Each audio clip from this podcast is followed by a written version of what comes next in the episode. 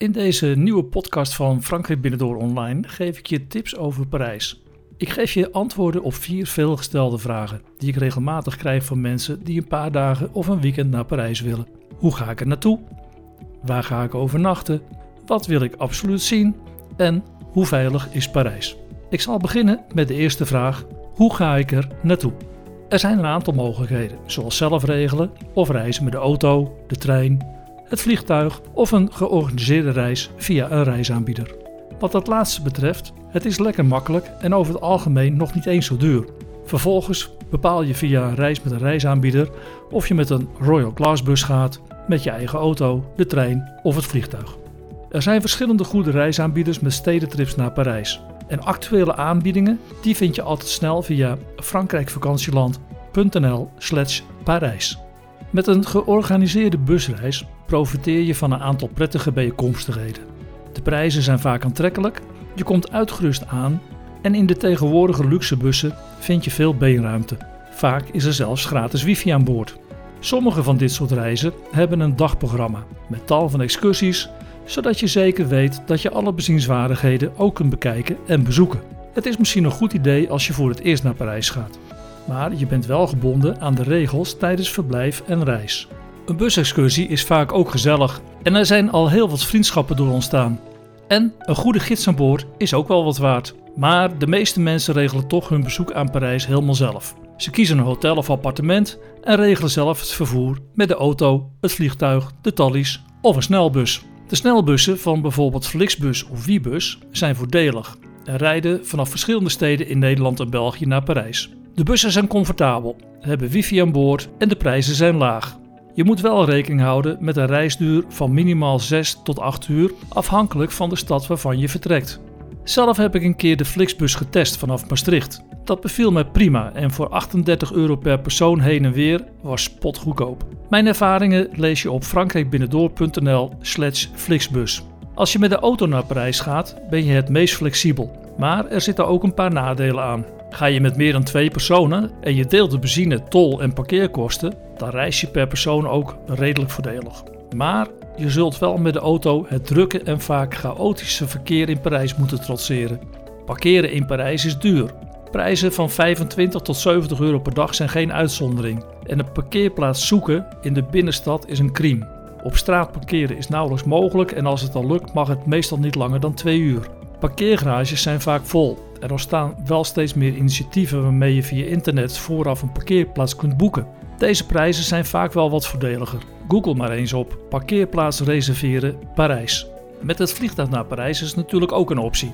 Ik vind het een nadeel omdat je altijd eerst naar het vliegveld moet en je ruim van tevoren aanwezig moet zijn en dat vliegen naar Parijs niet echt super voordelig is.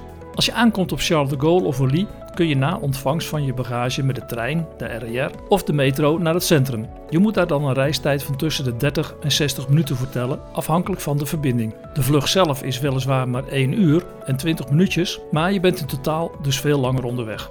Mijn voorkeur gaat uit naar de Thalys. Vanaf Amsterdam, Rotterdam, Antwerpen, Brussel, Luik of Aken reis je comfortabel en snel. Je komt aan op Gare du Nord, waar je in de omgeving verschillende hotels hebt. Maar als je een hotel elders in de stad hebt geboekt, dan ben je met de metro zo. Bijvoorbeeld vanaf Gare du Nord naar de Bastille is met de metro maar 18 minuten en die rijdt elke 4 minuten. Je stapt uit in Hartje-stad bij de bruisende wijk Bastille en vlakbij het populaire Le Marais. Zelf woon ik vlakbij Maastricht en ga regelmatig met de tallies vanuit Luik naar Parijs. Ik vertrek dan vanuit Luik en ben 2 uur en 15 minuten later op Gare du Nord en uiterlijk een half uur later op mijn bestemming in Parijs.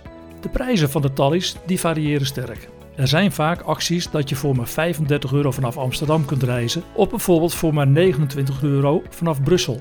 Maar dat zijn wel altijd enkele reizen en je moet er op tijd bij zijn. Mijn ervaring is dat ik meestal rond de 100 euro per persoon kwijt ben om heen en terug te reizen.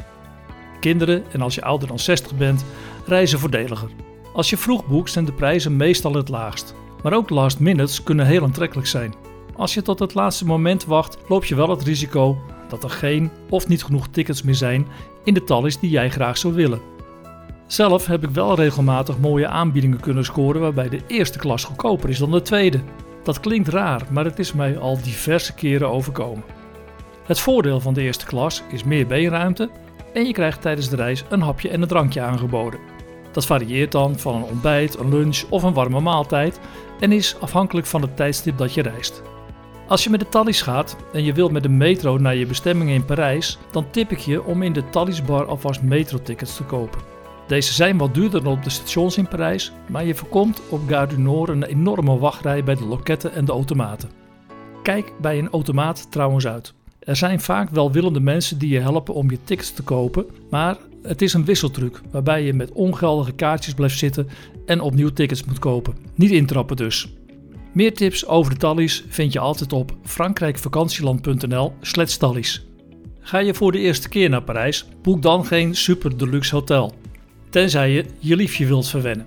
Je eerste verblijf in Parijs zal namelijk in het teken staan van veel zien, vroeg op en laat naar bed. Je hotelkamer is er dus voor een paar uur slaap, opfrissen, een douche of bad en dat is het. Oké, okay, s'morgens misschien een lekker ontbijtje, maar dat kan ook in een café of in een brasserie en is meestal nog leuker ook. Zelf boek ik meestal een hotel en als ik langer dan twee nachten ga, kies ik het liefst een appartement. Een hotel boek ik altijd via frankrijkvakantieland.nl/slash hotels, waar je met één zoekopdracht in heel Frankrijk hotels kunt vinden. Je kunt dan gebruik maken van de enorme hoeveelheid beoordelingen. In de meeste gevallen betaal je pas in het hotel bij vertrek en annuleren is vaak tot de dag voor aankomst zonder kosten mogelijk. Per hotel zie je precies welke voorwaarden voor toepassing zijn. Het is flexibel, de prijzen zijn prima en je loopt op deze manier weinig risico. Deze opties zijn meestal alleen beschikbaar als je met een creditcard reserveert. De kaart wordt dan niet belast en is alleen nodig voor de boeking. In het hotel kun je vervolgens met cash of een andere betaalkaart betalen of gewoon met je creditcard. Goed en meestal niet duur zijn ook de hotels van Ibis. Wil je een familiekamer? Kijk dan eens bij Novotel in Parijs. Voor een eerste bezoek aan Parijs zijn de bekende plekken natuurlijk favoriet, zoals de Eiffeltoren, de Champs-Élysées, het Louvre, de Notre-Dame, Montmartre en de Sacré-Cœur, Les Invalides met het graf van Napoleon en een prachtig museum, de Place de la Concorde, Centre Pompidou, Le Marais, La Défense en dan heb ik het nog niet gehad over La Madeleine, Place de Vendôme, La Bastille, Le Marais, Place des Vosges, Panthéon, Jardin du Luxembourg en de bruggen van de Seine. Wil je winkelen in Parijs? Lafayette, Printemps, BAV, Au Bon Marché en het spectaculaire Forum des Halles zijn de toppers om te winkelen en je zult er uren en uren zoet zijn. En dan zijn er ook nog de prachtige galerijen zoals Vivienne, de Serfs en nog een hele andere serie waarin je stijl kunt snuffelen en winkelen. Het gezellige Quartier Latin, de bijzondere oevers van de Seine en het kanaal Saint-Martin zijn ook fantastische plekken om te slenteren en te genieten. Het wordt dus een bomvol programma en dit ga je dan ook niet in drie dagen redden. Maak dus een keuze en probeer om bezienswaardigheden in volgorde te bezoeken. Je kunt dan met de metro of lopend van de een naar de ander gaan. Heel handig is daarvoor mijn e-book Parijs.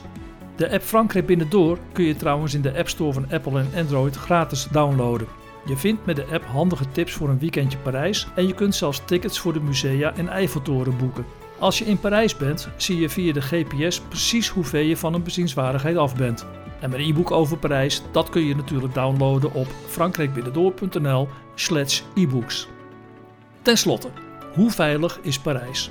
De aanslagen in Parijs van 13 november 2015 liggen alweer geruime tijd achter ons, maar nog altijd vers in het geheugen. Ik krijg veel vragen of Parijs wel veilig is. Het is een vraag waar ik zelf een eenvoudig antwoord op kan geven. Ik ben vlak na de aanslagen een week in Parijs geweest en daarna nog vele keren. Het afgelopen jaar ben ik misschien in totaliteit wel zo'n 30 dagen in Parijs geweest. En ik heb me geen moment onveilig gevoeld. De aanslagen hebben mij dus niet afgeschrikt. Het is natuurlijk ieders persoonlijke keuze. Bij warenhuizen en evenementen wordt nu veel gecontroleerd. Ik raad je dus bijvoorbeeld af om met een rugzak de stad in te gaan. Als je een museum in wilt of een warenhuis, zul je deze telkens moeten laten controleren. Er is nog een voordeel als je je rugzak niet meeneemt. Je ziet er minder als een toerist uit en bent dus ook minder een blikvanger voor eventuele zakkenrollers. Wat de veiligheid in Parijs betreft nog het volgende. Een tijdje geleden belde mij iemand met de vraag of het wel verstandig was om met het gezin en jonge kinderen naar Parijs te gaan. Ik vroeg haar hoe ze er naartoe wilde gaan en het antwoord was met de auto. Waarop ik haar antwoordde: Ik denk dat je met de autoreis naar Parijs heen en weer misschien wel meer risico loopt. Een paar weken later belde ze mij opnieuw met de mededeling dat ze een fantastische tijd hadden gehad met de kinderen in Parijs en er geen moment spijt van hadden gehad dat ze waren gegaan. Je ziet bij de bekende plaatsen in Parijs meer en duidelijke beveiliging. Bij de Eiffeltoren wordt nu zelfs het binnenterrein afgezet en kom je niet meer onder de Eiffeltoren zonder geldig ticket. Er is nu zelfs sprake van om er een definitieve glazen wand omheen te bouwen. Dat alles om de veiligheid voor de bezoekers in Parijs en bij de Eiffeltoren te vergroten. Iedereen zal het voor zichzelf moeten bepalen of je wel of niet naar Parijs wilt gaan. Ik blijf gewoon meerdere keren per jaar naar Parijs gaan en geniet er elke keer weer met volle teugen van. Wil je meer weten over Parijs? Download dan mijn e-book Parijs of lees mijn tips op frankrijkbinnendoor.nl Parijs of frankrijkvakantieland.nl Parijs. Vond je deze podcast leuk? Abonneer je dan in iTunes, Stitcher of Soundcloud en je bent er altijd als eerste bij en op de hoogte van een nieuwe podcast over Frankrijk of Parijs. Tot mijn volgende podcast.